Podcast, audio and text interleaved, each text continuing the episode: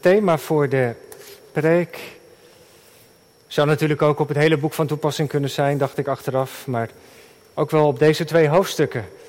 Niet het lot, maar God regeert. Niet het lot, het podium dat geworpen is, maar God regeert. Gemeente van Christus, u thuis, hier in de kerk, Hoewel het boek Esther over een heel andere tijd dan de onze gaat, hoewel het verhaal zich afspeelt aan het hof van de koning in de burcht Susan, is het in bepaalde opzichten ook wel een herkenbaar boek. Ik noem drie dingen, om er weer even in te komen vanmorgen. Zoals opgemerkt komt in het hele boek de naam van God niet voor. Het leven in de dagen van, van Esther lijkt zich, om zo te zeggen, lijkt volledig seculier. Mensen leven alsof God niet bestaat. Of in ieder geval of hij niet handelt, niet betrokken is op het leven van mensen. De naam van God komt in het hele boek niet voor. En ik dacht, misschien is dat wel iets wat voor ons herkenbaar is. Want hoe vaak hoor ik dat niet? Zeggen we dat soms ook tegen elkaar, dat we graag meer van de Heer in ons leven zouden willen ervaren? Een duidelijk antwoord willen krijgen op een gebedspunt. Een vingerwijzing dat het die kant op moet of, of die kant. Je ziet soms je eigen kinderen worstelen met het geloof. En wat zou je graag willen?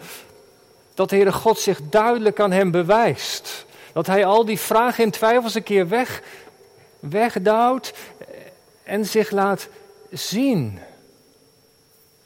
Dat lied wat we ja, wat in de top zoveel ook best wel hoog staat. Ik zal er zijn van Sela. Hè, dat zegt ook verborgen aanwezig. Deelt u mijn bestaan. En dat zinnetje, dat, dat is een bemoediging. Ook al, ook al zie je de Heer niet, hij is er wel.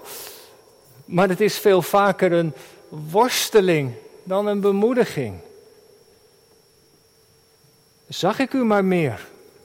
In die moeilijke situatie in mijn leven heb ik niet zoveel van u gemerkt. God is verborgen. In mijn leven hoor ik iemand zuchten. Eigenlijk net als in dit boek. En als we kijken om de cultuur om, om ons heen, is er ook niet veel ruimte voor geloof en God. Dat is iets privé, iets voor, voor achter de voordeur. Ja, er zijn nog wel herinneringen aan vroeger, aan het christelijk geloof. Vermoedens dat er iets of iemand is, maar het is erg onder de oppervlakte. Het was, het is als in de dagen van Esther. En het tweede, wat in dit boek ook, ook steeds weer naar voren komt, is het kwaad. De tegenslag. In het boek Esther wordt het gepersonificeerd in, in, de, in de persoon van Haman. Daar gaan we het zo ook over hebben. Hij is de tweede man in het rijk en iedereen moet voor hem buigen.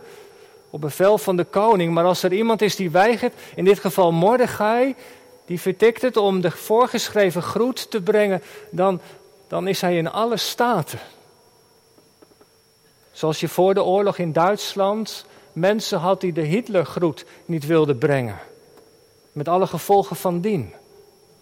Mordechai weigert te doen wat er op dat moment geboden is. Hij weigert voor Haman op te staan en hem te groeten. En dat stoort hem verschrikkelijk. En hij doet er alles aan om die lastpost uit de weg te ruimen.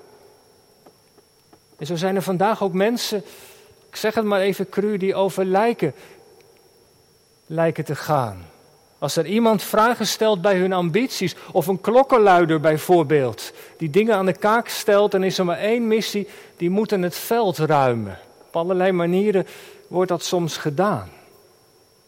Achter Haman, die we vanmorgen tegenkomen, zit een systeem dat wel raad weet met mensen een afwijkend gedrag. Ze zijn een bedreiging voor de nationale veiligheid. En Mordechai is ook nog eens een Jood. Daar ergert Haman zich verschrikkelijk aan. Nou, dat is actueel. Opkomend antisemitisme, soms in de politiek, in de cultuur, is een veeg teken. Dat heel veel Joden vanuit Europa ervoor kiezen om Europa te verlaten en terug te keren naar Israël. Dat de Joodse scholen beschermd moeten worden. Ook in dat opzicht is dit boek actueel. En als derde nog even iets over de geschiedenis. Honderd jaar eerder hadden de Joden koning Cyrus toestemming gekregen om terug te keren naar het beloofde land. Onder Esra en Nehemia mocht er weer gebouwd worden. De stad Jeruzalem, de tempel. En alle Joden werden uitgenodigd om mee te gaan. En een groot gedeelte is gegaan, maar er bleven ook nog heel wat Joden in het grote rijk achter. Joden zoals Esther en Mordechai. En het is de vraag of dat een goed teken is. Er waren Joden die in Perzië een bestaan hadden opgebouwd, die het prima naar hun zin hadden daar. Wat moeten we dan die onzekere reis doen om terug te gaan naar, naar, naar Israël, daar de tempel te gaan bouwen, een nieuw bestaan op te bouwen? Laten we maar hier blijven. Ze kozen niet voor een nieuwe start in een land dat helemaal aan de Heer is, is, is ja, gewijd. Maar als de drang om naar de tempel te gaan, het huis van God te zoeken, er niets meer is. Als dat verlangen al gaandeweg in je leven naar de achtergrond raakt, dan kan het zomaar gebeuren dat het leven met de Heere God ook op een laag pitje komt te staan. En dat is vermoedelijk het geval met Esther en Mordechai. Weet u nog wat, wat Mordechai tegen Esther had gezegd? Die schoonheidswedstrijd toen ze aan het hof. Zeg maar niet dat je Jood bent. En dat zou kunnen betekenen dat de Joden daar leven, dat ze zich als het ware geassimileerd, aangepast hebben aan de cultuur van die dagen. Ze hebben nog wel bepaalde gewoontes, maar, maar roep het al eh, niet te duidelijk. Zeg maar niet te duidelijk dat je van dat volk van, bij dat volk van God hoort. Later komt het wel openbaar, maar in het begin nog niet. En ja, het zou zomaar kunnen zijn dat er ook iets van herkenning ligt bij ons. Weten je collega's met wie je nou samenwerkt dat je trouw op zondag naar de kerk gaat, dat je christen bent, je vrienden, je medestudenten? Weten ze wie je bent en wat voor jou belangrijk is? Ja, als je met je vrienden samenkomt en een biertje gaat drinken, dan heb je het over heel andere dingen dan over wat er echt in je hart leeft, over het geloof misschien. Kan natuurlijk ook zijn dat het wel zo is. Dat is mooi natuurlijk. Als je vrienden hebt waar je dat wel over kan hebben. Maar het kan zomaar ook gebeuren dat dat niet het geval is. Iemand zei dat ook. Van joh, ik werkte al jaren met iemand samen en toen bleek dat hij ook christen was. Het was alsof, het was als in de dagen van Esther. Ik denk dat we van Esther en Mordechai ook niet al te vrome Joden moeten maken. Waren mensen net als wij die in een cultuur leefden waar weinig ruimte is voor de Heere God. En misschien was het verlangen in hun leven naar de tempel, naar de Heere God, ook wel op een laag pitje komen te staan. Het zou zomaar kunnen. Ze leefden in een wereld als wij, met dezelfde dilemma's, met dezelfde compromissen, in een wereld waarin God verborgen aanwezig lijkt. En wat zegt het boek Esther vanmorgen?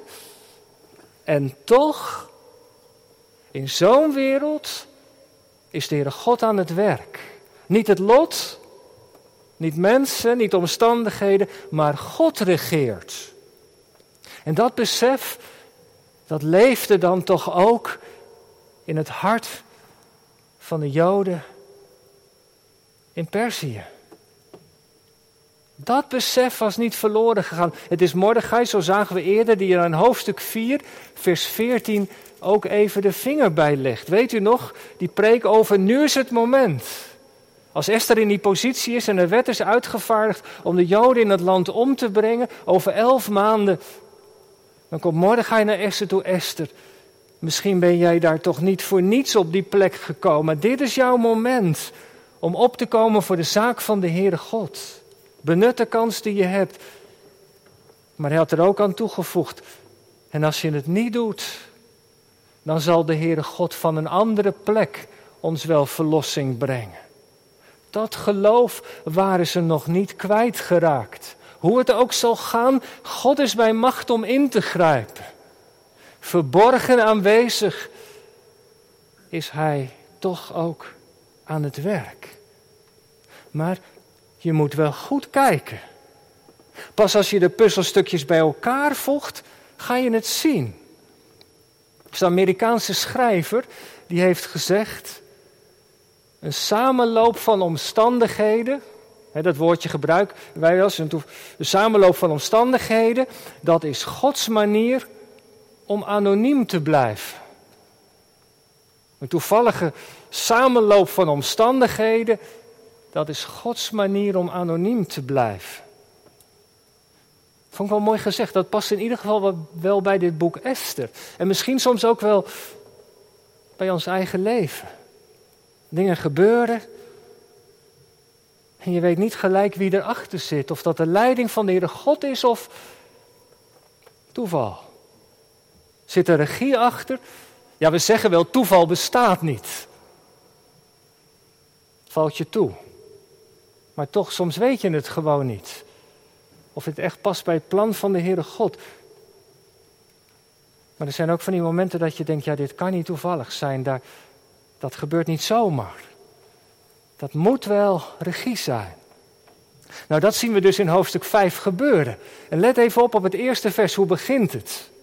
De schrijver maakt ons opmerkzaam op die stille leiding van God, want het begint zo. En het gebeurde op de derde dag.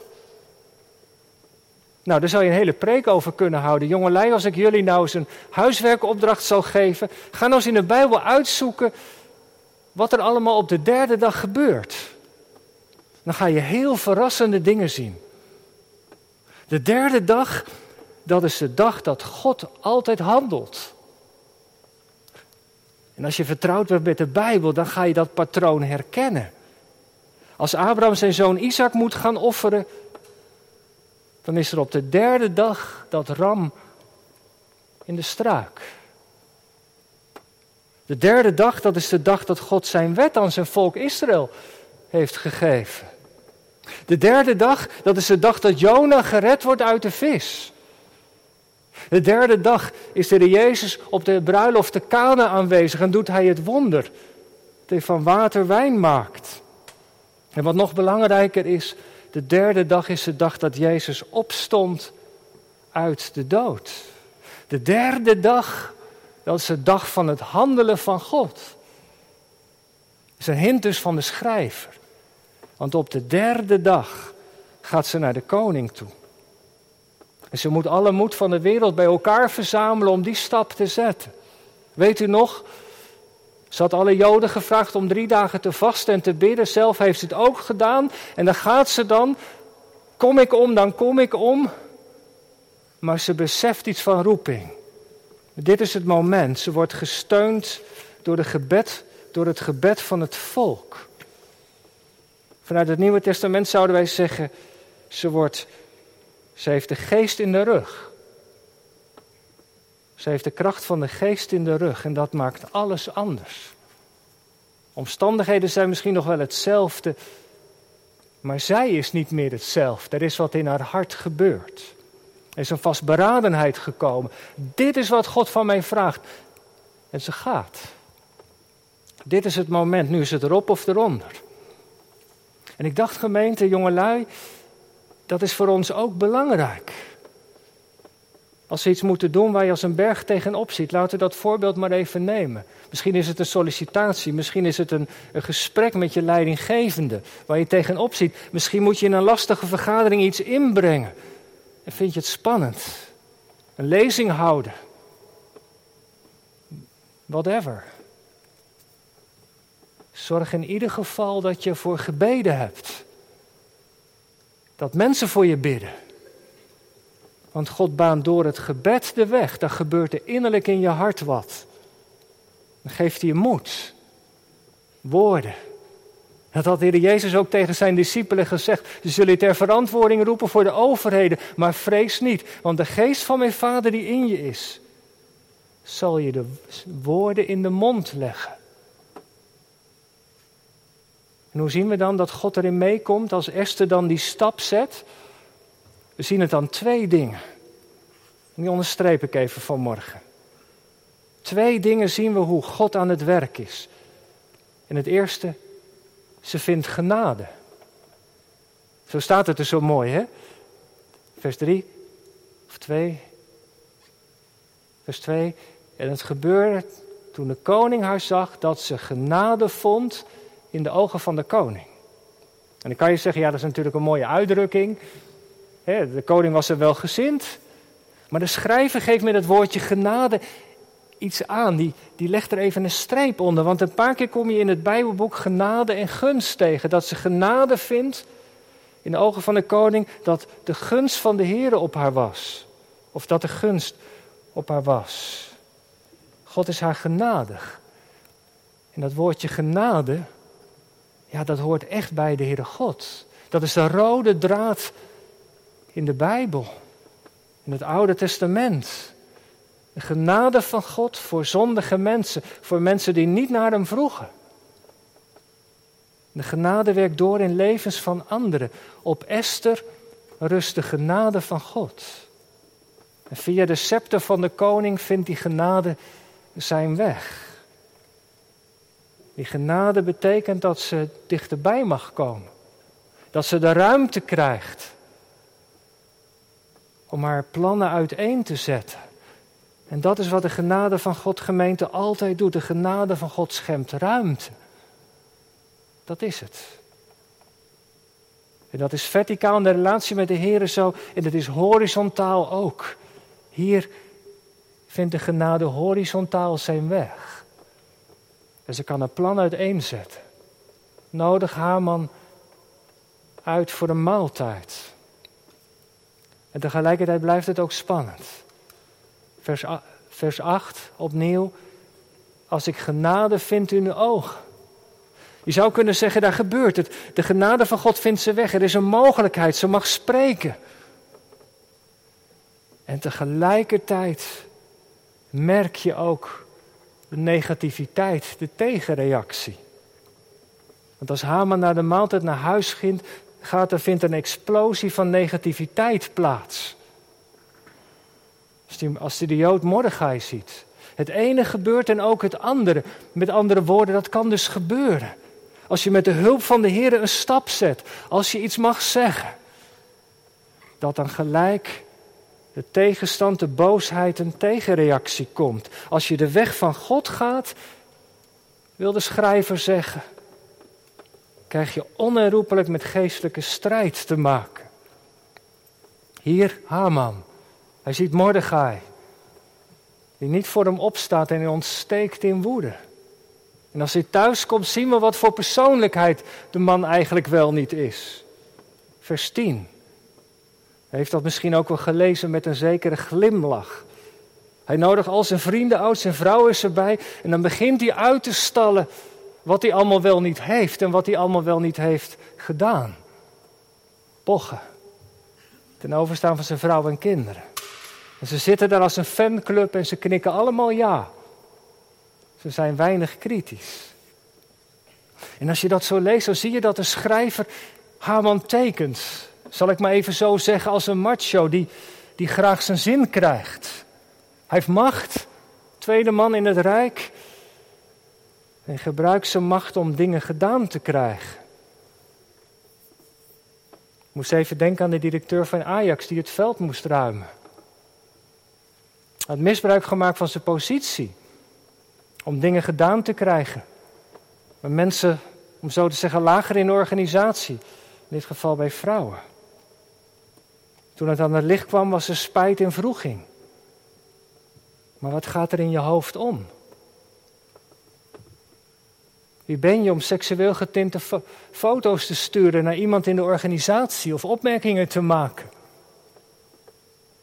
Ze zeggen wel eens dat macht corrumpeert. Dat kan niet goed gaan. Alleen sterke benen, benen kunnen de weelde dragen. Waarom zien we dat zo vaak misgaan in de samenleving? Hier zien we dat ook, wat macht met mensen kan doen. Wat een zegen is als je door de Heere God op een positie van invloed, van, van macht bent geplaatst. En als je trouw en integer bent. Een zegen voor het koninkrijk. Gelukkig gebeurt dat ook, maar we zien ook zo vaak het tegendeel. Dat mensen die macht hebben, die macht misbruiken. En we zien bij Haman hoe dat werkt. Mordechai, dat is een smet op zijn blazoen. Hij moet het veld ruimen. Hangen zal die. Is een heftige reactie. En Haman, de schrijver vertelt dat hij een onrustige nacht tegemoet gaat. zit nog zo vol adrenaline. En het plan wat hij heeft gehoord, dat wil hij uitvoeren. Er moet een paal komen voor Mordechai. Het is alsof Psalm 36 reëel wordt. De zonde spreekt tot de goddeloze diep in zijn hart. Hij kent geen angst voor God. En op zijn bed beraamt hij kwade plannen. Als ik morgen wakker ben dan. Maar ik krijg de kans niet. Want dat is het tweede. De derde dag, de genade. Maar de Heere God heeft ook iets met de nacht. Dat is het tweede punt. In de nacht, zo begint hoofdstuk 6. Hoofdstuk 5 begon met de derde dag. Hoofdstuk 6, in die nacht, in de nacht dat Haman zijn kwade plannen zit te beramen, gebeurt er iets wonderlijks, is God aan het werk. Elders kan een koning niet slapen. En ik denk dat je moet zeggen, de Heere God houdt hem wakker. En om de tijd te vullen laat hij voorlezen uit de kronieken. En waar Rempel de naam van Mordechai valt. Hij heeft een aanslag verijdeld. Wat heeft die man eigenlijk voor beloning gekregen? Nou, koning, eerlijk gezegd, helemaal niets. Hij is daar op geen enkele manier voor beloond. Maar dat moeten we rechtzetten. Zie hoe wonderlijk gemeente in die nacht de koning die niet kan slapen, verborgen aanwezig. Niet het lot, maar God regeert. En dan zien we weer iets wonderlijks. Een koning die niet kan slapen. De naam van Mordechai. Een toevallige samenloop van omstandigheden. Gods manier om anoniem te blijven, maar hij is wel degelijk aan het werk. Weet u wat ik zo'n sterke aanwijzing vind? Dat het echt de Heere God is die handelt uit het vervolg. Want dat hebben we gelezen. Haman mag een beloning bedenken. Hij denkt dat het om mezelf gaat. En hij schildert het meest prachtige idee. Bijna iemand moet als, net zoals de koning vereerd worden. Goed, zegt de koning. Mag jij dan gaan doen? Morgen ga je op het paard en jij ernaast. En wat zien we hier gebeuren? Iemand noemde dat het X-patroon, het kruispatroon. We zien hier iets wat zo kenmerkend is voor de Heer. Hoogmoedigen worden vernederd. En nederigen worden verhoogd.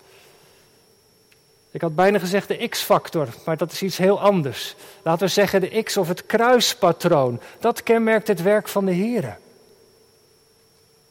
Hanna in haar loflied, Maria in haar lofzang, die hebben erover gezongen. Machtig geworden door de Heer van de troon gestoten. Armen verhoogd. Rijken staan met lege handen. En nederigen worden met goederen overladen. En als je terugbladert in de Bijbel, zie je dat de Heere God telkens zo weer handelt. Keer op keer. Jozef wordt als slaaf in Egypte verkocht, maar hij wordt om de koning. David, heb je nog een zoon? Ja, ik heb nog een kleine jongen die bij de schapen zit. David wordt uiteindelijk de gezalfde, de lieveling van de Heer. En we zien het ook bij onze heiland, de Heer Jezus. Hij is veroordeeld is gedood. Maar dwars daardoorheen heeft God hem verhoogd. Hij heeft zijn leven afgelegd om andere mensen het leven te kunnen schenken. De steen die was afgekeurd, die is tot een hoeksteen geworden. Ziet u de lijn? Dat is nou het handelen van de Heere God. Dat is het kruispatroon wat al zijn handelingen kenmerkt. Verhoudingen en posities worden omgekeerd. Zo werkt hij via de omgekeerde route. Hij verbreekt de raad van de volken, maar zijn raad houdt eeuwig stand. Psalm 33. En weet u, we horen dit vanmorgen. Maar als je dat gaat zien, als je dat gaat zien, dan doet dat wat met je. Dan ga je ook anders in het leven staan. God is niet geïnteresseerd in macht, in aanzien, hoger opkomen maar in dienen. Liefhebben. De minste zijn. Niet mijn plannen en projecten zijn belangrijk, maar het plan van de Heer, zijn koninkrijk. Daar draait alles om. En het, en het hoofdstuk zegt als, als de ambitie de drijf van je leven is dat alles moet draaien om jou, dan zul je heel diep vallen. Dan loop je het gevaar om verloren te gaan en dat is pas erg. Terwijl we misschien zoveel van God hebben ontvangen. Dit Bijbelgedeelte wat vanmorgen centraal staat, eindigt met een appel. Heb dus ontzag voor God. De vrienden van Haman en zijn vrouw zeggen het tegen hem. Als Mordechai uit het geslacht van de Joden komt, dan zul je niets tegen hem kunnen uitrichten. Nee, dan zul je zeker ten val komen. En het geslacht van de Joden, dat gaat natuurlijk over de God van de Joden. Over de Heere zelf. Als je uiteindelijk in gevecht gaat met de Heere God, dan zul je het niet kunnen winnen, want Hij wint. Altijd. Gemeente, dit, dit, dit hoofdstuk, dit gedeelte is dus een, ja, ik zeg het maar zo, een waarschuwing voor ons allemaal. laat het zo ook horen. Dat we de Heer in ons leven serieus nemen. Zijn woorden en geboden ter harte nemen. Het zou toch zonde zijn als we aan het einde van ons leven aan de verkeerde kant blijken te staan. En daar heeft Heere God jou, u en mij niet voor over. Denk nog even aan het kruispatroon. Gods handelen is altijd kruisvormig. Dat wil zeggen, waar gaat het nou de Heere God om? En waarom zijn we vanmorgen samen? Waarom sta ik op de kansel? Het gaat de Heere God altijd om de Heer Jezus. Altijd. In alles wat Hij doet. Hij die arm werd om ons rijk te maken. Hij die gedood werd om ons het leven te geven. In Jezus strekt God zijn handen naar ons uit. En wie knielt, wie bukt, wie komt, die zal door Hem worden omarmd, opgericht. Je leven krijgt een diepe zin. Wonderlijk. Wie ben ik? Maar zo is het. Dat is het kruisvormig handelen van God. Niet de omstandigheden, niet het lot regeert, maar de Heere God. En als je dat eenmaal gaat zien, dan kun je in vertrouwen leven. Ook voor de dag van morgen. Wat zal er morgen brengen? Wat zal in de week op me afkomen? Ik weet het niet. Maar ik mag doen waartoe ik ben geroepen. Op mijn werk. In de omgang met mensen. En als er bergen zijn, ik hef mijn oog op naar de bergen. Van waar zal mijn hulp komen? Dan weet ik dit. Staat op het kaartje. Mijn hulp is van de Heer, die hemel en aarde gemaakt heeft. Zou voor hem iets te wonderlijk zijn? Zijn plannen falen niet. Halleluja. Amen.